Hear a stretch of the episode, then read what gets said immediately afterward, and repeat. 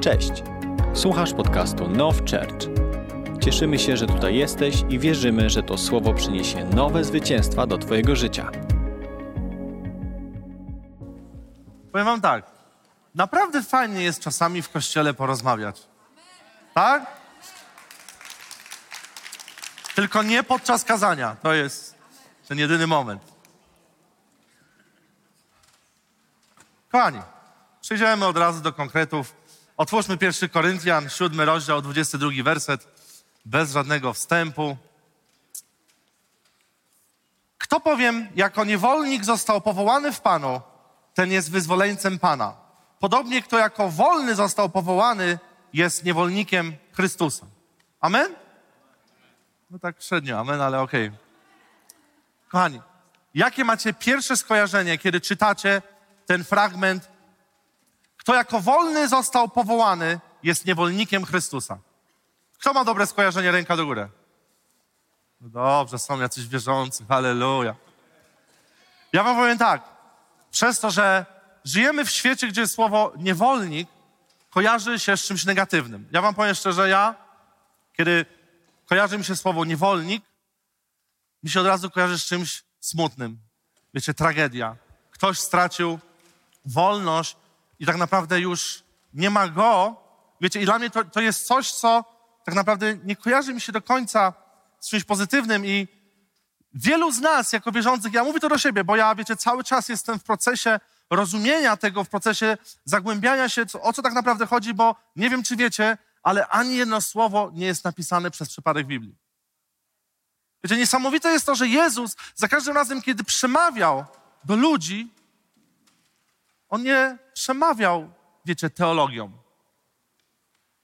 On nie przemawiał, wiecie, tak skonstruowanymi zdaniami, że większość ludzi nie łapała o co chodzi, ale on mówił proste słowa. On używał prostych obrazów, żeby zobrazować to, o co mu chodzi.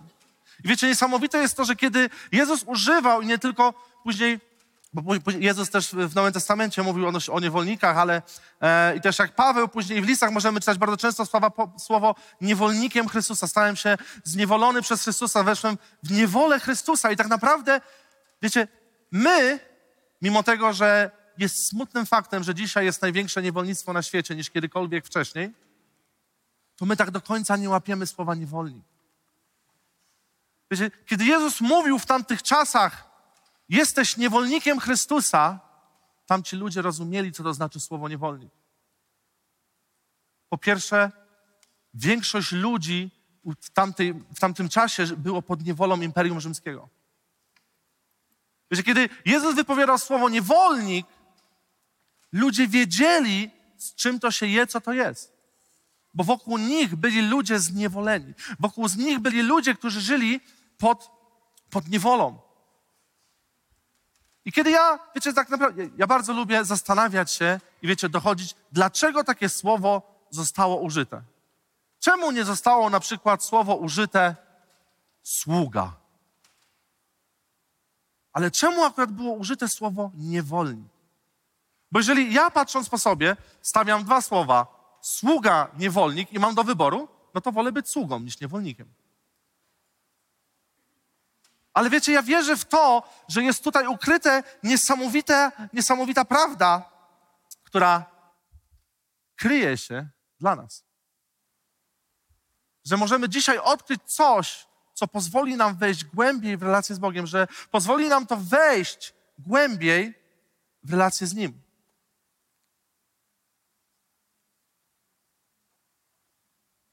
Wiecie, bardzo często w życiu chrześcijańskim, ja mówię też o swoim, nie widzę owoców, które chciałbym widzieć. Są pewne dziedziny w moim życiu, gdzie wiecie, nieważne jak mogę głośno krzyczeć, nieważne jak mogę ogłaszać pewne rzeczy nad swoim życiem, ale nie widzę w pełni manifestujących się rzeczy tak, jak powinny być. Wiecie, i w większości przypadków jest to moja wina w kontekście takim, że nie zastosowałem całej prawdy, bo wiecie, Biblia jest bardzo prosta. Jezus, chrześcijaństwo jest bardzo proste. Wszystko jest napisane tutaj. To jest niesamowita instrukcja, która jest bardziej dosłowna niż instrukcja z Ikei. Wiecie, wam powiem, ostatnio e, montowałem pewną rzecz, była instrukcja, no i ktoś, kto ją napisał, stwierdził, że jest bardzo przejrzysta, prosta, ale był moment, że naprawdę 30 minut główkowałem się nad jedną pozycją A12, gdzie po prostu był rysunek napisany i ja nie do końca wiedziałem i wiecie, ja już kombinowałem na różne sposoby, ale dzięki Bożej mocy i pomocy udało mi się przejść przez ten program, ale chcę ci powiedzieć, że Biblia nie jest tak napisana, że tylko niektórzy y, mogą wziąć z niej. Biblia jest dostępna dla każdego. Tutaj prawda zawarta w tym jest dostępna dla każdego z nas. Jedyne, co my musimy, sięgnąć po to i zastosować całą prawdę. Większość rzeczy, które może nie działają w moim życiu, jest dlatego, że zastosowałem pewną prawdę biblijną w 70%, 60%, w tym, co było wygodne dla mnie, z tym, z czym się zgadzałem, ale są pewne aspekty, które są niewygodne dla nas. Są pewne aspekty w Biblii, które czytamy. Wiecie, prosty przykład. Jeżeli ktoś poprosi cię o szatę, daj mu dwie. Wiecie, każdy z nas chce błogosławieństwa do swojego życia. Każdy z nas chce, wiecie, niesamowitych rzeczy, doświadczać Bożej przychylności, błogosławieństwa, ale moje pytanie, czy ty dzisiaj jesteś Bożym błogosławieństwem dla ludzi wokół? Czy może są wokół ciebie ludzie, którzy nie mają tej przysłowiowej szaty, a ty masz i nie chcesz dać, bo to nie jest wygodne dla ciebie? Wiecie, i my, i to jest tylko jeden przykład, że tak bardzo często oczekujemy pewnych owoców w naszym życiu, tak bardzo często, wiecie, mamy nawet oczekiwania, i to są dobre oczekiwania, ale nie wykonujemy pewnej pracy, nie stosujemy pewnej prawdy biblijnej do naszego życia. A ja wierzę, że Bóg nas powołał do tego, byśmy byli wierzącymi, byśmy byli chrześcijanami 100%, jak nawet nie więcej, owocnymi. Że cokolwiek robimy, cokolwiek, każda dziedzina w naszym życiu powinna obfitować. Każda dziedzina. I wiecie, tu nie chodzi tylko o finanse, to chodzi o zdrowie, tu chodzi, wiecie, o, o pracę, o rodzinę, o dzieci, o wychowanie, każda dziedzina. Dzisiaj niestety bardzo często oglądamy chrześcijaństwo na świecie, które jest mocne tylko w jednej odnodze, a reszta leży. A ja wierzę, że Bóg nas powołał do tego, byśmy w każdej dziedzinie owocowali, byśmy w każdym czegokolwiek dotkniemy wydawali owoc, który jest przyjemny, miłą wonią dla Boga. Jak myślicie? Jakbyście się spytali, przeciętnego człowieka, a chrześcijanin. Jak, osoba chrześcijan. Chrześcijan? Nie. Wierzący, okej, okay, idźmy tak dalej, dobrze. Wierzący, jaka to jest osoba? Większość ludzi, którzy, z którymi czasami rozmawiam, kiedy oni mają obraz wierzącego, to jest, wiecie, smutna, biedna, potrzebująca osoba. Ja pamiętam, rozmawiałem kiedyś z pewną osobą, która jest w wysokich kręgach biznesowych i się okazało, że jej e, tak jakby przełożony w pewnej organizacji jest osobą wierzącą. Ona też była osobą wierzącą, która się nawróciła i ona do mnie, w sensie rozmawiałem z nią i ona w wielkim zachwycie była, mówi, o ja, ja nie wiedziałam, że ludzie, którzy odnoszą sukces też są wierzącymi. Ja wiecie, ja mówię, ale nie rozumiem. No, no bo ja zawsze myślałem, że wierzący to jest taki biedny człowiek, któremu trzeba pomóc, bo on wszystko, co ma, rozdaje. E, on po prostu, wiecie, e, dom rozdaje, śpi gdzieś w jaskiniach, bo on taki, wiecie, święty, e, że po prostu cokolwiek ma, rozdaje. A ja wam powiem, że ja nie wierzę w to. Ja wierzę w to, że jak ludzie mają przyjść do Boga i słuchać o Bogu, który ma moc, jak nie ma owoców w naszym życiu. Czym my ich chcemy przekonać? Wiecie, ja już jestem zmęczony chrześcijaństwem, które polega na przekonywaniu ludzi. Wiecie, nies niesamowitą, mieliśmy przywilej z moją żoną, ostatnio byliśmy na pewnej uroczystości, rozmawialiśmy z pewnymi ludźmi, którzy są, wiecie, no, dyrektory, dyrektorzy, dyrektorów, bardzo intelektualni ludzie, ateiści. I wiecie, i zaczęła się w ogóle ciekawa rozmowa, nie z naszej strony, wiecie, y, w pierwszych pięciu minutach nie od razu wjeżdżam z buta, słuchaj, tak mówi Biblia, Jezus żyje i tak dalej, ale wiecie, próbowałem poznać człowieka, dowiedzieć się, no i wiecie, zawsze zapytanie się, czym się zajmujesz, no to ja powiedziałem, czym się zajmuję, mówi, o, jeszcze w życiu nie spotkałem pastora w swoim życiu. I wiecie, zaczęliśmy rozmawiać e, i potoczył się temat wiary i wiecie, rozmawialiśmy trzy, cztery godziny, ale ja wiedziałem, że to jest z jednej strony bez sensu, bo to nie ja, ja go nie mogę przekonać. Wiecie, kiedyś ja byłem na tyle naiwny, że myślałem, że napiszę jedną sentencję, taką, wiecie, złote zdanie. Po prostu z nieba Duch Święty mi podyktuje, zapiszę, wytatuuję sobie, oczywiście żartuję, ale wiecie, będę miał i po prostu gdziekolwiek pójdę, powiem to jedno zdanie, każdy, no faktycznie. Ty, no teraz to rozumiem. Wiecie, i niesamowitą historią, gdzie Bóg złamał to w moim życiu, bo wiecie, kiedy byłem na wyjeździe misyjnym, jak to wiecie, na, na misjach się głosi co tylko. A, I pamiętam, był to bardzo ciężkie trzy tygodnie, gdzie wiecie, spaliśmy po dwie, trzy godziny. E, ja już byłem u kresu sił. Jechaliśmy na pick-upach, bo to w Azji można z tyłu na pick-upach siedzieć.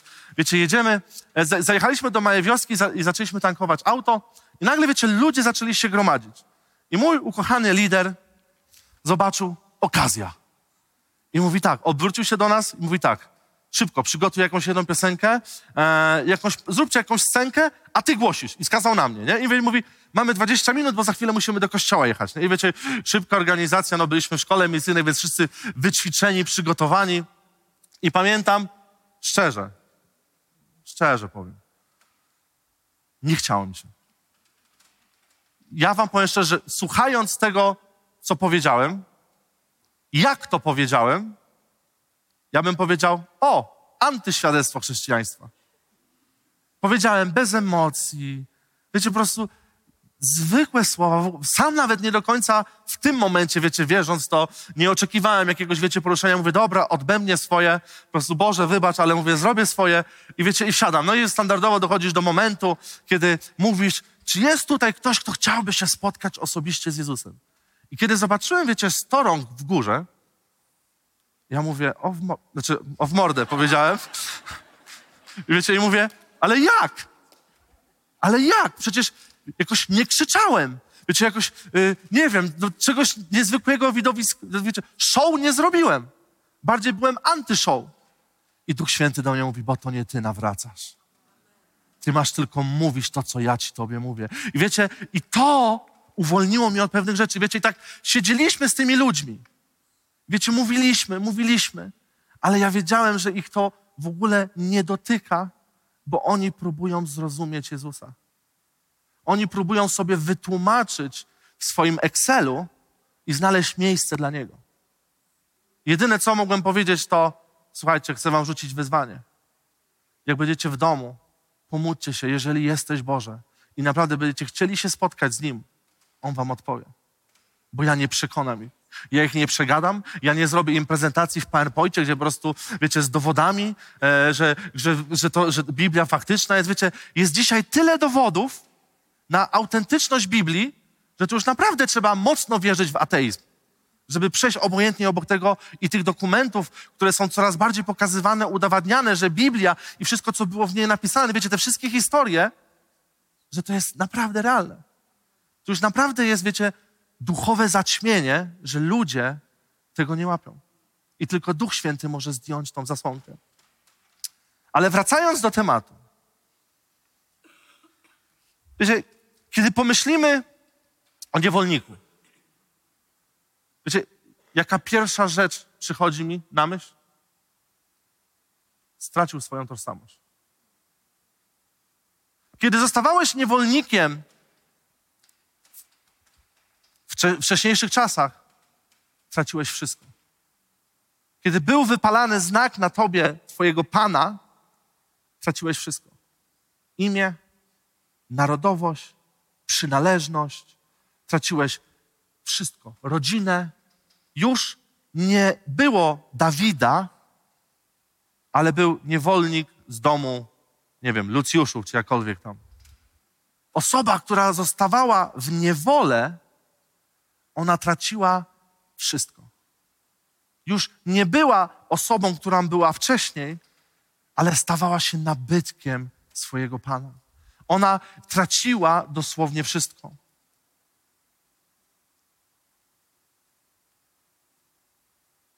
W Wikipedii jest takie stwierdzenie na, na odnośnie niewolnika.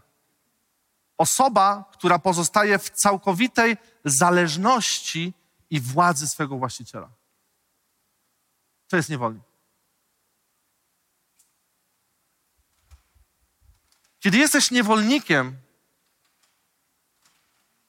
ty nie możesz powiedzieć: bo ja chcę pojechać tutaj. Bo ja chcę zrobić to. No, jeszcze lepiej, bo ja poczułem, żeby zrobić dzisiaj to. Nie. Ty czekasz, aż twój pan lub zarządca lub ktokolwiek jest nad tobą przyjdzie i powie: Niewolniku, dzisiaj robisz to i to i to. Nie masz nic do gadania. Nie możesz powiedzieć: Dzisiaj się nie czuję. Dzisiaj nie. Jutro. Nie masz nic do gadania. Ty straciłeś cokolwiek, co wcześniej identyfikowało ciebie jako Dawida, straciłeś to. Tego już nie ma. Stałeś się osobą, która jest pod, pod panowaniem tw- Pana i właściciela. Wiecie, niewolnik nie może się wycofać, powiedzieć, dobra, wystarczy mi. Już starczy, już, już nie chcę być niewolnikiem. To jest moment, który zmieniał jego życie do końca życia. W momencie, kiedy Pan jego stwierdził, że zapracował, wypracował swoją wolność, on, wiecie, da dawał mu wyzwoleńcem go. I on wtedy stawał się z powrotem osobą, którą była wcześniej. Wiecie, i dla mnie niesamowite jest to, że kiedy zastanawiam się nad tym słowem niewolnik i nad tą specyfiką tego, kojarzy mi się to z jedną rzeczą. Z nawróceniem. Bo kiedy naprawdę się nawracamy, co Biblia mówi? Już nie żyję ja, lecz żyje we mnie Chrystus. Wiecie, i to jest niesamowite, tak proste, ale tak mało skuteczne w naszych czasach. Wiecie dlaczego? Bo my mamy tendencję do bycia Spartakusem. Kto kojarzy Spartakusa? Ktoś kojarzy? Dobrze. Jest to postać historyczna z czasów e, Imperium Rzymskiego. Jest to niewolnik, który wzbudził największe powstanie wśród niewolników i było to największe zagrożenie ówczesnego e, Imperium Rzymskiego, które spowodował właśnie niewolnik, który był nazwany, nazywał się Spartakusem, który w pewnym momencie powiedział: Koniec. Ja przejmuję stery. Teraz ja będę decydował o tym, co ma być. I wiecie, i bardzo często my jako wierzący mamy postawę Spartakusa.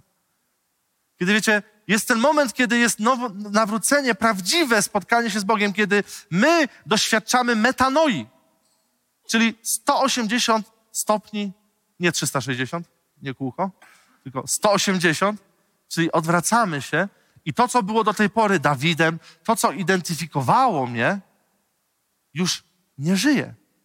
Bo wiecie, niewolników kupywało się. Przeważnie szedł zarządca lub właściciel na targ niewolników i mówił, ten i ten i ten mi się podoba. Ile? Tyle, tyle. I wiecie, my zostaliśmy wykupieni cenną krwią Jezusa. Jezus wykupił nas, On wybrał każdego z nas do tego, byśmy odwrócili się od tego, w czym byliśmy, odwrócili się 180 stopni i powiedzieli tak, to już nie ja. Dawid już nie żyje. Prawda jest taka, że patrząc na Biblię, kiedy na nowo się nawracasz, kiedy stajesz się nowym człowiekiem, twój grzeszny człowiek nie żyje, czyli ciebie teoretycznie już nie można zranić, bo Dawid już umarł. Ciekawe?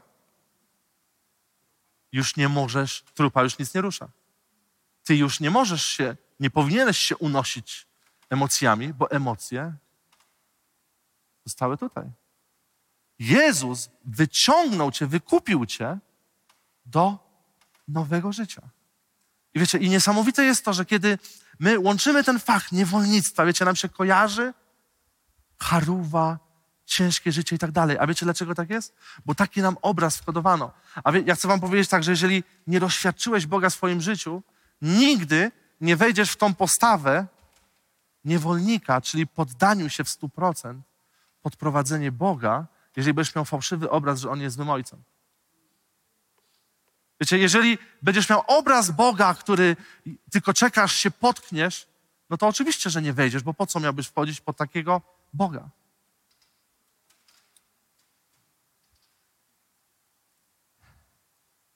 Wiecie, chciałbym, żebyśmy otworzyli Galacjan, czwarty rozdział, od 1 do 2.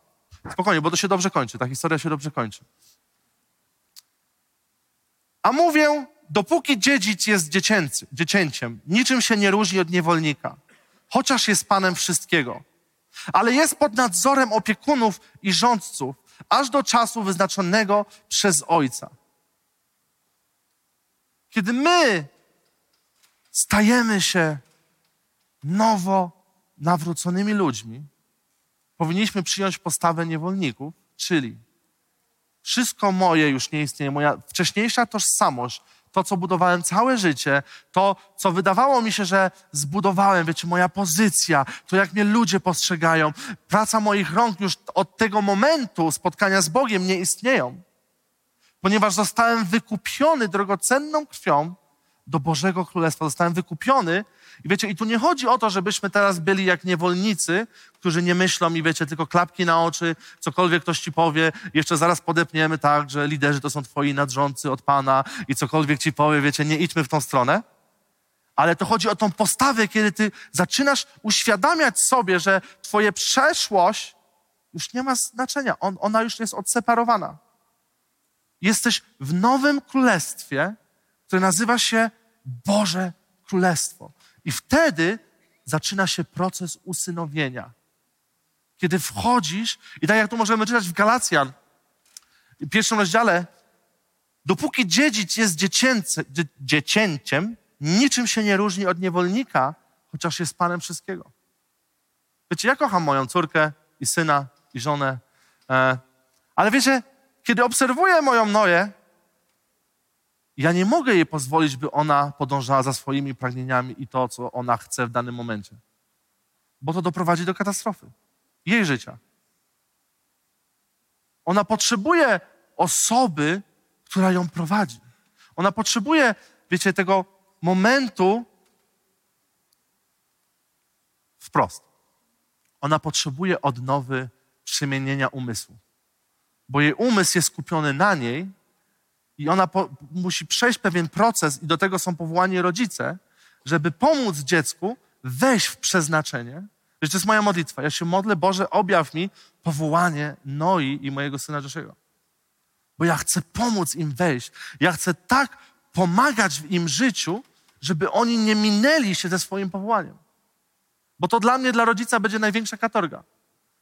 Jeżeli ja byłem przeszkodą dla moich dzieci, by weszły w te rzeczy, do których Bóg ich powołał. Wiecie, i tak samo jest z Bogiem, kiedy my stajemy się tym niewolnikiem, On daje nam najlepszego nadzorcę, Ducha Świętego. On daje nam Ducha Świętego, bo wiecie, kiedy stajesz się niewolnikiem, tak jak mówię, wiecie, to fajnie by było tak, że w momencie, kiedy stajemy się na nowo, stary człowiek już, wiecie, nie istnieje, po prostu nic mnie nie można zrobić, ja jestem czyściutki, nowiutki, po prostu tylko myślę o miłości Bożej e, i tak dalej jest proces, który nazywa się odnowieniem umysłu, transformacją, przemianą tych wszystkich rzeczy, które były składowane w nas. Dlatego na początku, kiedy niewolnik stawał się niewolnikiem, on przechodził takie trochę ala szkolenie, jak być niewolnikiem. Bo wtedy już nie możesz mówić, co ci się zawsze podoba, tylko odpowiadasz kiedy, wtedy, kiedy jesteś pytany. I wiecie, i to jest taka ilustracja, którą tamci ludzie rozumieli w tamtym czasie. To znaczy stać się niewolnikiem i być wykupiony cenną krwią do królestwa. To jest proces, kiedy ty mówisz, już nie ja, ale to, co ty, Boże, masz dla mnie. I ja wiem, że każdy z nas miał moment w swoim życiu, nie jeden, nie dwa, nie pięć, nie dziesięć, kiedy to mówił, Boże, nie ja, ale ty. Ale z automatu mamy tą tendencję Spartakusa, która jest naszym starym Dawidem, który będzie się próbowała podnosić co chwilę i mówić, nie, gdzie tam? Zrób to, przecież czujesz to, przecież tak niewygodnie jest, powstań, zrób, pójdź za tym. I wiecie, jest jedna niesamowita historia, która mnie osobiście najbardziej dotyka. Jana 8:34.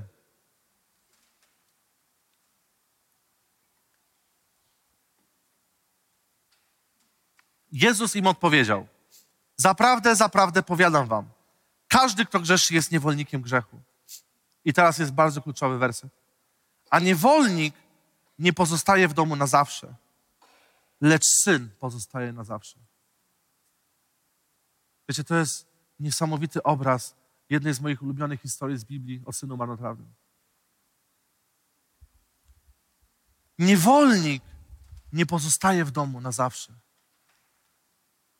lecz syn pozostaje w domu na zawsze. Czy Bóg usynowił każdego z nas? Kobiety też, tylko nie wiem, jak się mówi, ucórkowił, nie wiem, usynowił każdego z nas. Jesteśmy wykupieni Jego drogocenną krwią. Ale niewolnik grzechu, niewolnik przeszłości, niewolnik, który wraca cały czas ze swojego grzesznego Dawida, nie pozostanie w domu na zawsze. Ponieważ to będzie rosło, to będzie coraz bardziej rosło w Twoim życiu, aż dojdziesz do momentu, w którym doszedł najmłodszy syn marnotrawny, tak zwany przez nas marnotrawny. Ale to był zwykły syn. On przyszedł do ojca i powiedział jedno kluczowe zdanie: Daj mi. Daj mi. Daj mi to, co chcę.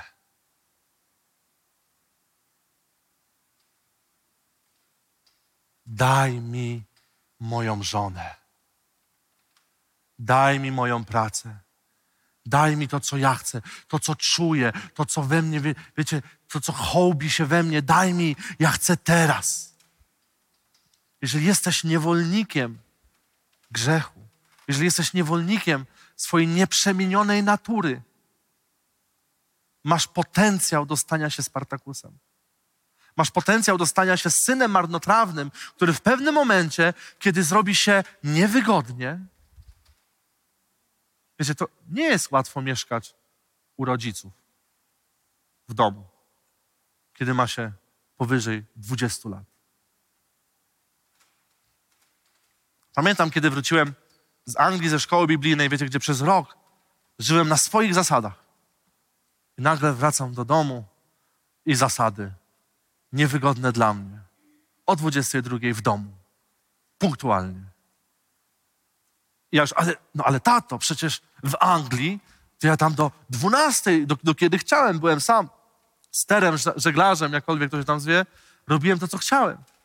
Ale w domu panują pewne zasady.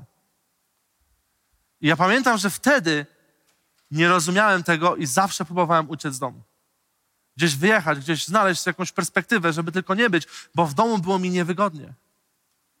Ponieważ kiedy jesteś w domu, każdy dom ma swoje zasady. W każdym domu panują odpowiednie zasady, które mają na celu uchować Ciebie, które mają na celu wyposażyć Ciebie. Wiecie, uwierzcie mi, to nie jest przyjemny proces. Kiedy ja mówię mojej córce, że nie może czegoś, ona tego nie rozumie. Ona myśli, że dzieje się największa tragedia na świecie, bo to, co ona chce teraz, nie może dostać. Co się dzieje w Twoim życiu z Bogiem, kiedy nie dostajesz to, czego chcesz? Może modliłeś się o coś wiele miesięcy i w ogóle nie poszło w tą stronę, w którą powinno iść.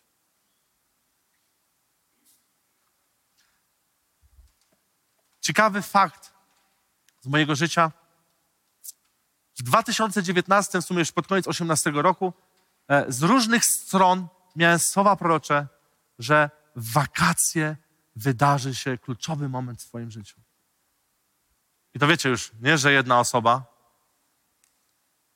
trzy, cztery osoby w, w, różnym czasie i to jeszcze za granicę, to już w ogóle level pro, proroctwa, jak za granicę ktoś prorokuje. Ale wiecie, były trzy, cztery proroctwa, które mówiły i wszyscy to samo. Wakacje będzie kluczowy moment w swoim życiu. Wiecie, a to był moment, kiedy ja wszystko pozamykałem i oczekiwałem na otwarcie się Bożych drzwi. Wakacje przyszły, nic się nie wydarzyło.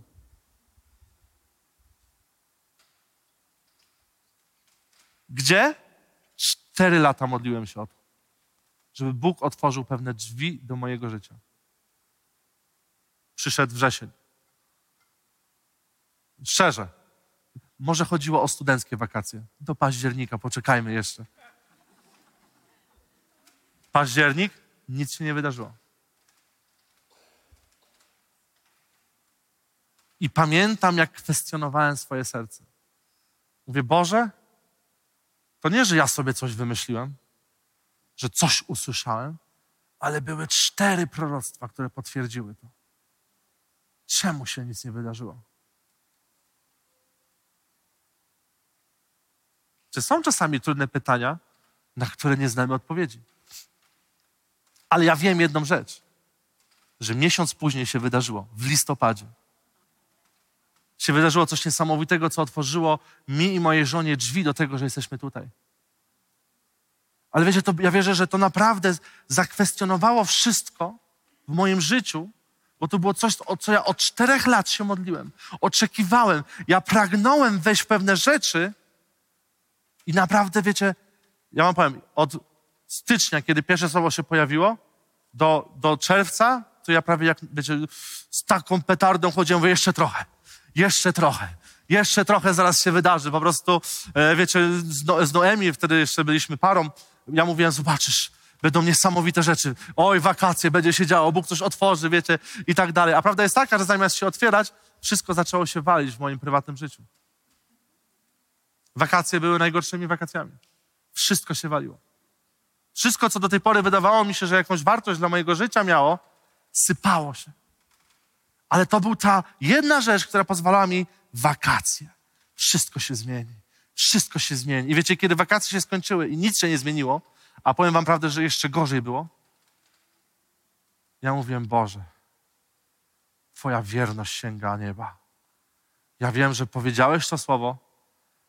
Może, nie wiem, nie chodziło o wakacje i powiem wam szczerze, do tej pory nie mam pojęcia, dlaczego tak się wydarzyło, że to się wydarzyło w listopadzie, a nie w wakacje, ale jestem wdzięczny Bogu za to, jak to się potoczyło, ponieważ to przygotowało moje serce, że tak naprawdę ja ufałem Bogu, czy się dzieje, czy się nie dzieje, moja postawa względem Niego się nie zmieniła. A ilu z nas, ludzi wokół nas, którzy wiecie, coś się nie wydarzy, Boża obietnica, którą jeszcze jakiś prorok potwierdził w naszym życiu i się nie dzieje. I nam się włącza postawa Spartakusa, gdzie wiecie, no to nie, idę w drugą stronę, idę tutaj. Nie chodzi mi, że w świat, ja w ogóle nie idę w stronę, że teraz wiecie, Boga nie ma, nie istnieje, ale bardzo łatwo zmieniamy kierunek i dobudowujemy swoją teologię do tego. Wiecie, najtrudniejszą rzeczą i wiele razy w swoim życiu doświadczyłem straty, była próba odpowiedzi dlaczego. I powiem wam do dzisiaj, nie mam pojęcia dlaczego. Ale wiem jedno, że Bóg jest dobry. Boża wielkość, wierność jest dobra. Może czegoś nie rozumiem, ale to nie oznacza, że ja będę kwestionował, teraz się odwracał. Wiecie, kiedy jesteś w domu Ojca, kiedy jesteś wykupiony drogocenną krwią, kiedy jesteś usynowiony, jesteś w procesie wchodzenia w swoje powołanie, jesteś w procesie dorastania do pewnych odpowiedzialności, przychodzi większy poziom odpowiedzialności w domu. Noa, mimo że ma półtorej roku, na dzień dzisiejszy pomaga nam tak, że ze zmywarki czasami jedną miskę e, i czasami się jej uda do dobrej szuflady sadzić, czasami nie. I to jest jej poziom odpowiedzialności, którym ona, nie że zmuszamy ją, żeby nie było, e, ona sama chce pomagać nam. Ale ja wiem, że im ona będzie wzrastać, im ona będzie bardziej stabilna, ja będę mógł składać na nią pewne odpowiedzialności, do których ona będzie dorastać. Ja wierzę w to, że kiedy my jesteśmy w Bożym Królestwie, kiedy my jesteśmy w Bożym domu, mamy dostęp do wszystkiego. Wiecie, bardzo często to, co jest, kusi nas, to jest, wiecie, obietnica czegoś na zewnątrz, co błyszczy, a tak naprawdę to nie ma żadnej wartości. Bo zobaczcie, co zrobił marnotrawny syn.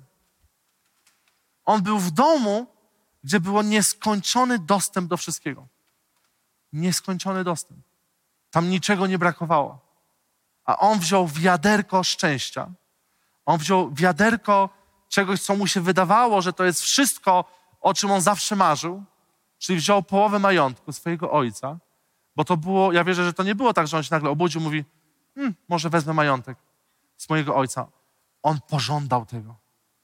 On pożądał w swoim sercu, to mi się należy. To jest moje. To jest moje. Ja powinienem. Mi się należy. Przecież już tak długo robię. Już tak długo robię. Moi znajomi jeżdżą gdzieś tam, wydają, a ja siedzę i tutaj. I wiecie, ja miał, to rodziło w nim, doszło do, mom- do, me- do momentu, kiedy on powiedział, to jest mój czas. Negatywny. To jest mój czas. Ja wezmę to, co moje. I on wziął przysłowiowe wiaderko tego i poszedł świat. Czyli w swoją wizję, swoje plany. Jak to się skończyło? Wiaderko, nieważne jak po brzegi wypchasz, skończy się w pewnym momencie. Jeżeli odchodzisz od źródła, gdzie masz ciągle świeży pokarm, masz ciągły przepływ rzeczy w swoim życiu, a odchodzisz i zamieniasz to na rzeczy tu i teraz, chcę ci powiedzieć, że to szczęścia ci nie da. Jeżeli odejdziesz od tego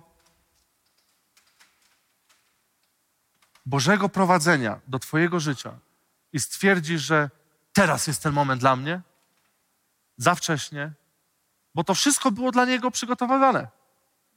On jakby jeszcze chwilę poczekał w tym procesie, on to wszystko by dostał. Ale on chciał wyprzedzić pewne fakty, bo on czuł tu i teraz. I wiecie, i on stracił wszystko. Przejadł wszystko, roztrwonił wszystko. Ale niesamowite w tej historii jest to, że zawsze jest powrót do domu ojca. Wiecie, i bardzo często my kojarzymy historię syna marnotrawnego, który jest w miejscu, wiecie, odejścia i tak zwany poszedł świat. I my to kojarzymy, ja to często słyszałem, od poszedł świat, syn marnotrawny, wiecie, odwrócił się od Boga i tak dalej, ale bardzo wielu jest synów marnotrawnych, którzy kochają Boga. Tylko zmieniła się jedna rzecz. Ich stary Spartakus, ich stary człowiek umieścił Boga jako dodatek do życia.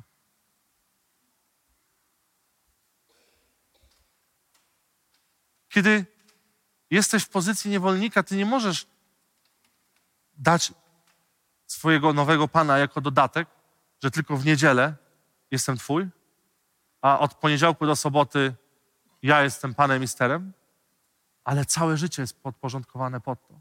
A my bardzo często na początku zaczynamy dobrze. Całe moje życie, wiecie, piosenki śpiewamy różne, idziemy, idziemy, a później pewne sytuacje się wydarzają, pewne pragnienia, które nie zostały przemienione, pewne rzeczy, które nie zostały oddane Bogu, zaczynają wzrastać w nas. Dlatego tak ważny jest proces przemiany, dlatego tak ważny jest moment czytania pisma i modlenia się Duchu Święty. Objawiaj mi. Objawiaj mi, co jeszcze jest we mnie, co stoi na przeszkodzie. Bo ja wierzę w to, że Bóg powołał każdą osobę na tym miejscu do tego, by wydała 100% owoc. By wydała owoc, do którego każdy z nas został powołany. Jedyne, co stoi na przeszkodzie, to jest ja sam. Wiecie, jest tyle fajnych obrazków w internecie, gdzie stoi mała dziewczynka i Jezus mówi, oddaj mi misia. Ona ma takiego misia, mówi, ale to jest mój misiu. I wiecie, jest Jezus, który ma jeszcze cztery razy większego misia.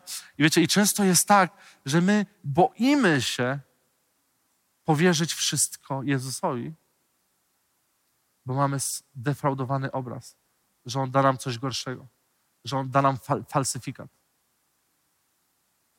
Bóg ma najlepsze rzeczy dla ciebie. On zaplanował najlepsze rzeczy dla ciebie. Ale żeby wejść w nie, musisz w stu procentach poddać się pod Jego prowadzenie. Nie w niektórych kwestiach, bo w tych kwestiach, w których się poddasz pod Boże prowadzenie, będziesz miał owoc. Ale jeżeli chcesz mieć owoc w każdej dziedzinie, musisz poddać Mu wszystko. Swój związek, nie małżeństwo, związek. Swojego potencjalnego przyszłego partnera, jeżeli jesteś singlem. Miejsce pracy, miejsce zamieszkania, społeczność, przyjaciół. Ale to są moi przyjaciele. Tyle lat. Z Rysiem to na jabłka chodziliśmy w przerwie. Jak? Czy jak go teraz zostawię, to kto mu Ewangelię powie? Prawda jest taka, że on ci więcej głosi Ewangelii niż ty jemu. Wiecie, my często żyjemy w pewnym otoczeniu, otaczamy się pewnymi ludźmi, decyzjami i później mamy pretensje do Boga, czemu się rzeczy w naszym życiu nie dzieją. Kiedy dałeś Bogu dostęp do swojego życia i powiedziałeś, Boże, przebadaj, zrób audyt, zrób audyt mojego życia, czy nie ma we mnie jakiegoś Spartakusa, czy nie ma we mnie jakiejś dziedziny, która jak tylko przyjdzie, wiecie, dociśnięcie, kiedy przyjdzie ciśnienie, kiedy przyjdzie próba, pewien Spartakus nie wyskoczy z mojego życia. Kiedy byłem w szkole misyjnej, pojechałem na wiarę, nie mając nic.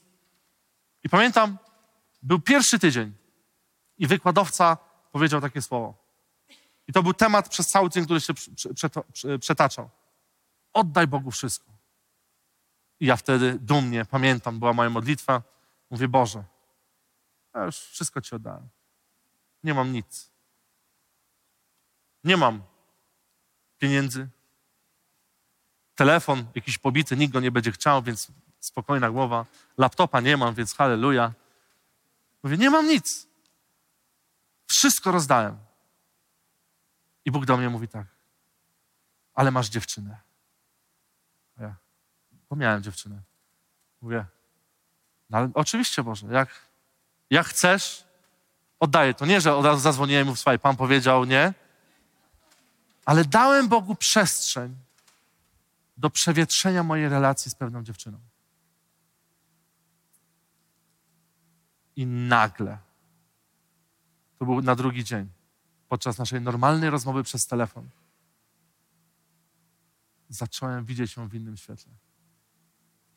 Nagle pojawił się temat powołania, gdzie niby obydwoje wierzący, zakochani w Bogu, nagle zrozumiałem, że ona ma inny koncept służby powołania. Nie, że gorszy, lepszy, tylko inny. I mój koncept, który Bóg mi objawił do mojego życia, dlatego jest ważne, żeby dobrać się w odpowiednie osoby. Ja wiedziałem i to było w jednej sekundzie zrozumiałem, że jeżeli byłbym z tą osobą, raniłbym ją bardzo. Stylem życia, do którego Bóg mnie powołał. I mimo tego, że wiecie, wszystko wcześniej pasowało. Naprawdę, my rozmawialiśmy o, o, o przyszłości. Nagle w jednej chwili zrozumiałem, Boże, oddaję Ci to. I myślicie, że było łatwo zadzwonić i rozmawiać o takich tematach? Akurat byliśmy w dwóch, różnych krajach, nie mogłem pojechać, żebyście nie myśleli, że jestem złym człowiekiem teraz. To nie są łatwe rzeczy. Kiedy przychodzisz do miejsca i mówisz, oddaję Ci wszystko. Użyj mnie. Oddaję Ci wszystko. Użyj mnie. Ja nie chcę się rozminąć z niczym. Ja nie chcę pozwolić, by jakaś niezałatwiona rzecz z przeszłości, przez moje lenistwo, przez moją ignorancję, wydała owoc za chwilę. Bo chcę Ci powiedzieć, co zasiejesz, to zbierzesz. Jeżeli nie płacisz podatków, to nie przychodź po modlitwę i pytaniem, dlaczego tak się stało, że komornik przychodzi na Twoje konto i dlaczego Bóg dopuścił do tego. Bóg nie dopuścił. Ty dopuściłeś, bo nie płaciłeś pewnych rzeczy. Często jest tak, że mamy pretensje do Boga o rzeczy, które się dzieją w naszym życiu, a my sami je ściągamy do siebie. Niesamowite jest to, że Boża dobroć zawsze wyciąga nas z sytuacji. Jeżeli zrozumiemy i przyjdziemy i skruszymy swoje serce, On przyjdzie z rozwiązaniem. On wyciągnie z każdej sytuacji.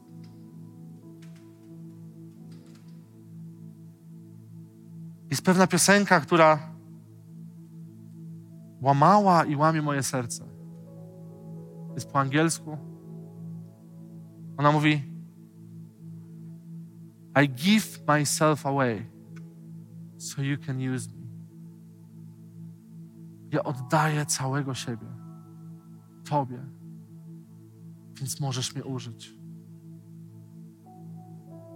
Już nie chodzi o mnie, ale chodzi o Ciebie.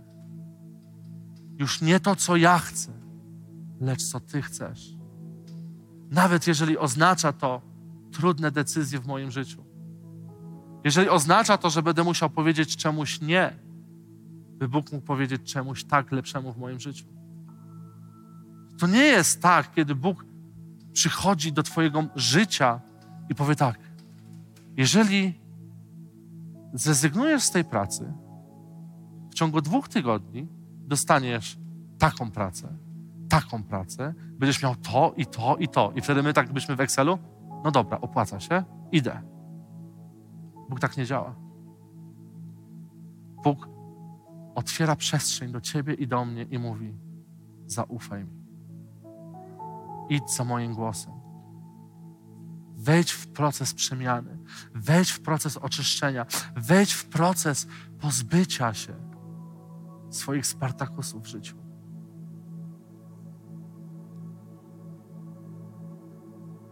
Małżeństwo ma niesamowitą dynamikę.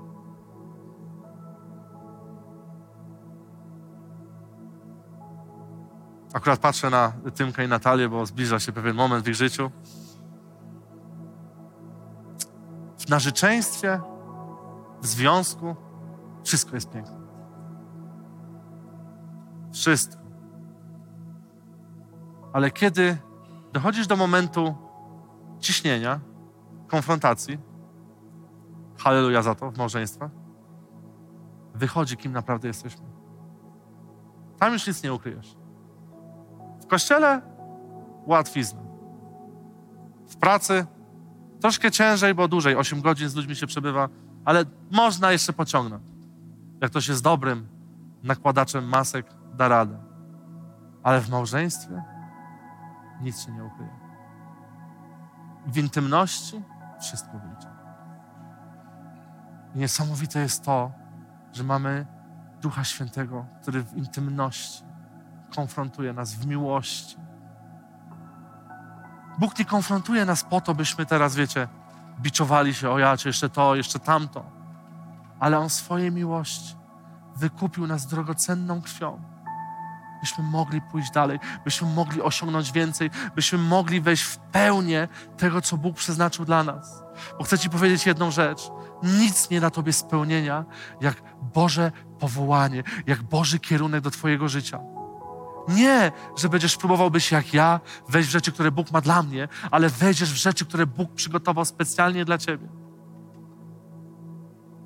Bóg ukształtował Ciebie i mnie w konkretnym celu z konkretną misją. Dał każdemu z nas odpowiednie cechy, dał każdemu z nas odpowiednie y, usposobienie, byśmy mogli wykonać to, co Bóg powierzył dla nas. To nie jest przypadek, że jesteś wysoki, mały, że masz oczy takie czy inne, że jesteś osobą y, ekstrawertyczną czy introwertyczną.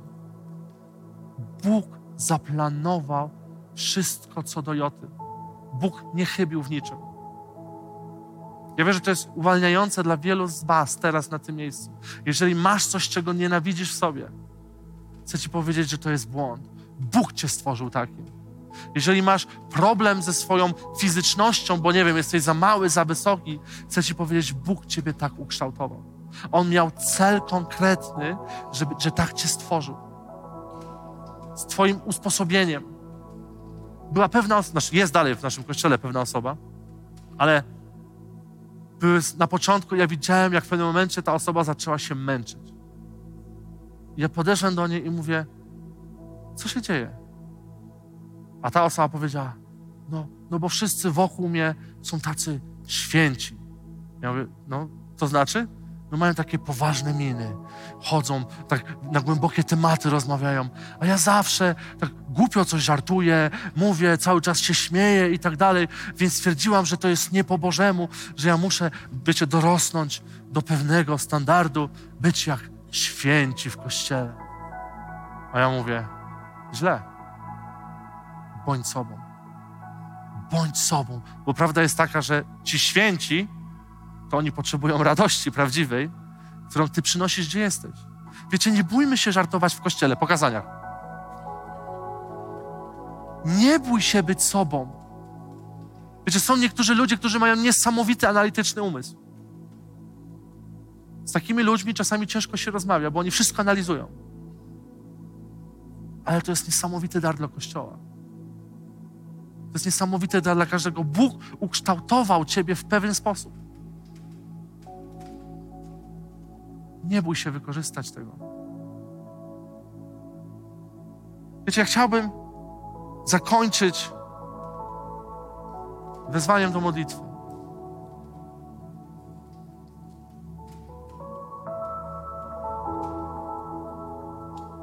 Ty Duch Święty, nikt więcej. Jeżeli chcesz, możesz wstać, usiąść, położyć się, wyjść do przodu, pójść do tyłu, jakkolwiek. Ale chciałbym, żebyś był teraz przed Bogiem szczery. Jeżeli chcesz, bo On tego na siłę nie zrobi, powiedzieć: Boże, oto jestem. Zbadaj mnie, byś mógł mnie użyć. Ja nie chcę być przeszkodą. Ja nie chcę, by moje wychodziło na wierzch, ale by Twoje wychodziło zawsze na wierzch. Objawiaj.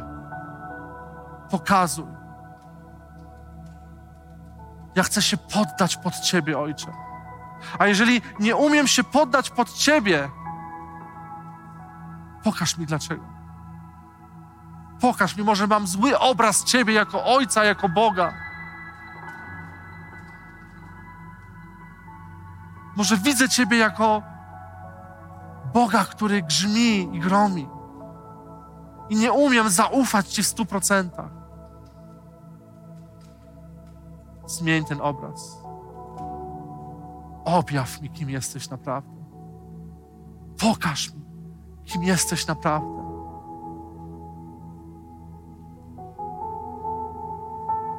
Jeżeli czujesz, że masz problem z obrazem Boga jako kochającego Ojca, chciałbym, żebyś wyszedł do przodu. Jeżeli nie umiesz zobaczyć Boga jako kochającego taty, jako tego, który ma dobre rzeczy dla mnie przygotowane, jako tego, który nigdy mnie nie zrani, jako tego, który mnie nie zawiedzie, jako tego, który jak powie, tak się stanie, chciałbym, żebyś wyszedł do przodu. Będziemy się modlić. Ja wiem, że są jeszcze osoby, które zmagają się z tym. Masz huśtawki. Raz wierzysz w ogień, byś skoczył, a za drugim momentem mówisz nie. Nie zasłużyłem. Nie zapracowałem. Nie byłem dobry wystarczająco.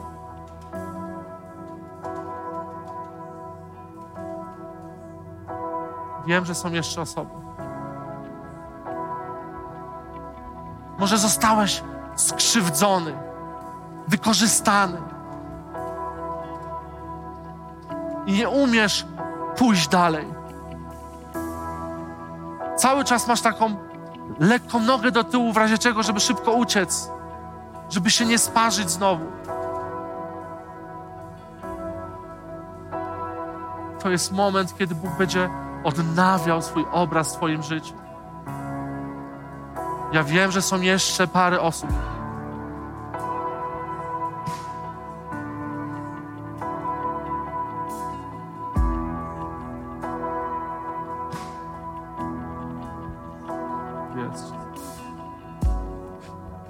Chodźcie do przodu, bo tu jeszcze są miejsca.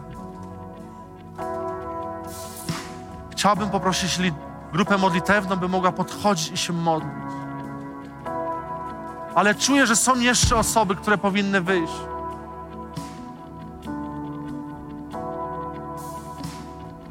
Chcę Ci powiedzieć, że nie zostaniesz skrzywdzony, bo On jest idealnym Ojcem. On jest doskonałym Ojcem.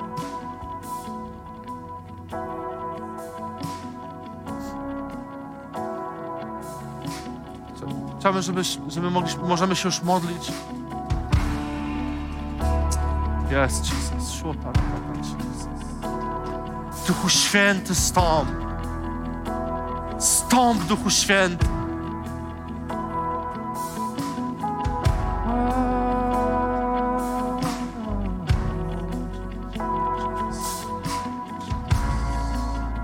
Ojcze, my łamiemy wszelki fałszywy obraz Ciebie. Ojcze, my burzymy te warownie w Twoim imieniu. Duchu Święty, przyjdź i objaw. Przyjdź i objaw, kim jesteś naprawdę.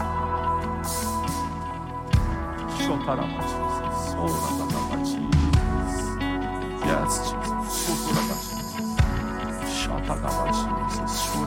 poznać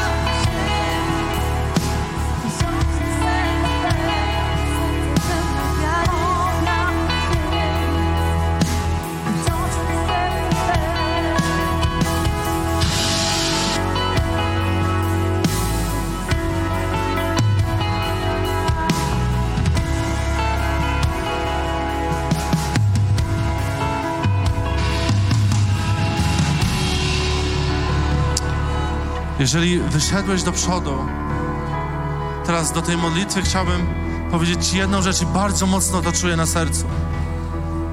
Żeby Bóg mógł przyjść z nowym obrazem, najpierw musi upaść stary. Jeżeli wyszedłeś do przodu, to jest dopiero początek. Chciałbym, żebyś w domu, kiedy będziesz sama, sam, modliła się tymi słowami. Duchu Święty, objaw mi, gdzie jest korzeń tego. Objaw mi sytuację, która wykrzywiła mi obraz Twój. I kiedy On Ci będzie pokazywał, a uwierz mi, On Ci pokaże. Nagle przyjdzie Ci sytuacja, o której byś w życiu nie pomyślała. Nagle przyjdzie Ci sytuacja, gdzie zobaczysz, że poczułaś się, poczułeś się wtedy skrzywdzony. Powiedz, Boże, ja wyrzekam się tego. Przyjdź z nowym obrazem. Objaw. Niech to nie będzie tylko jednostronne wyjście do przodu, ale niech to będzie proces w swoim życiu, gdzie doświadczysz uwolnienia i przełomu. Bo bez tego nie oddasz mu się w stu procentach. Nie zaufasz mu w stu procentach, jeżeli nie będziesz miał obrazu Ojca kochającego.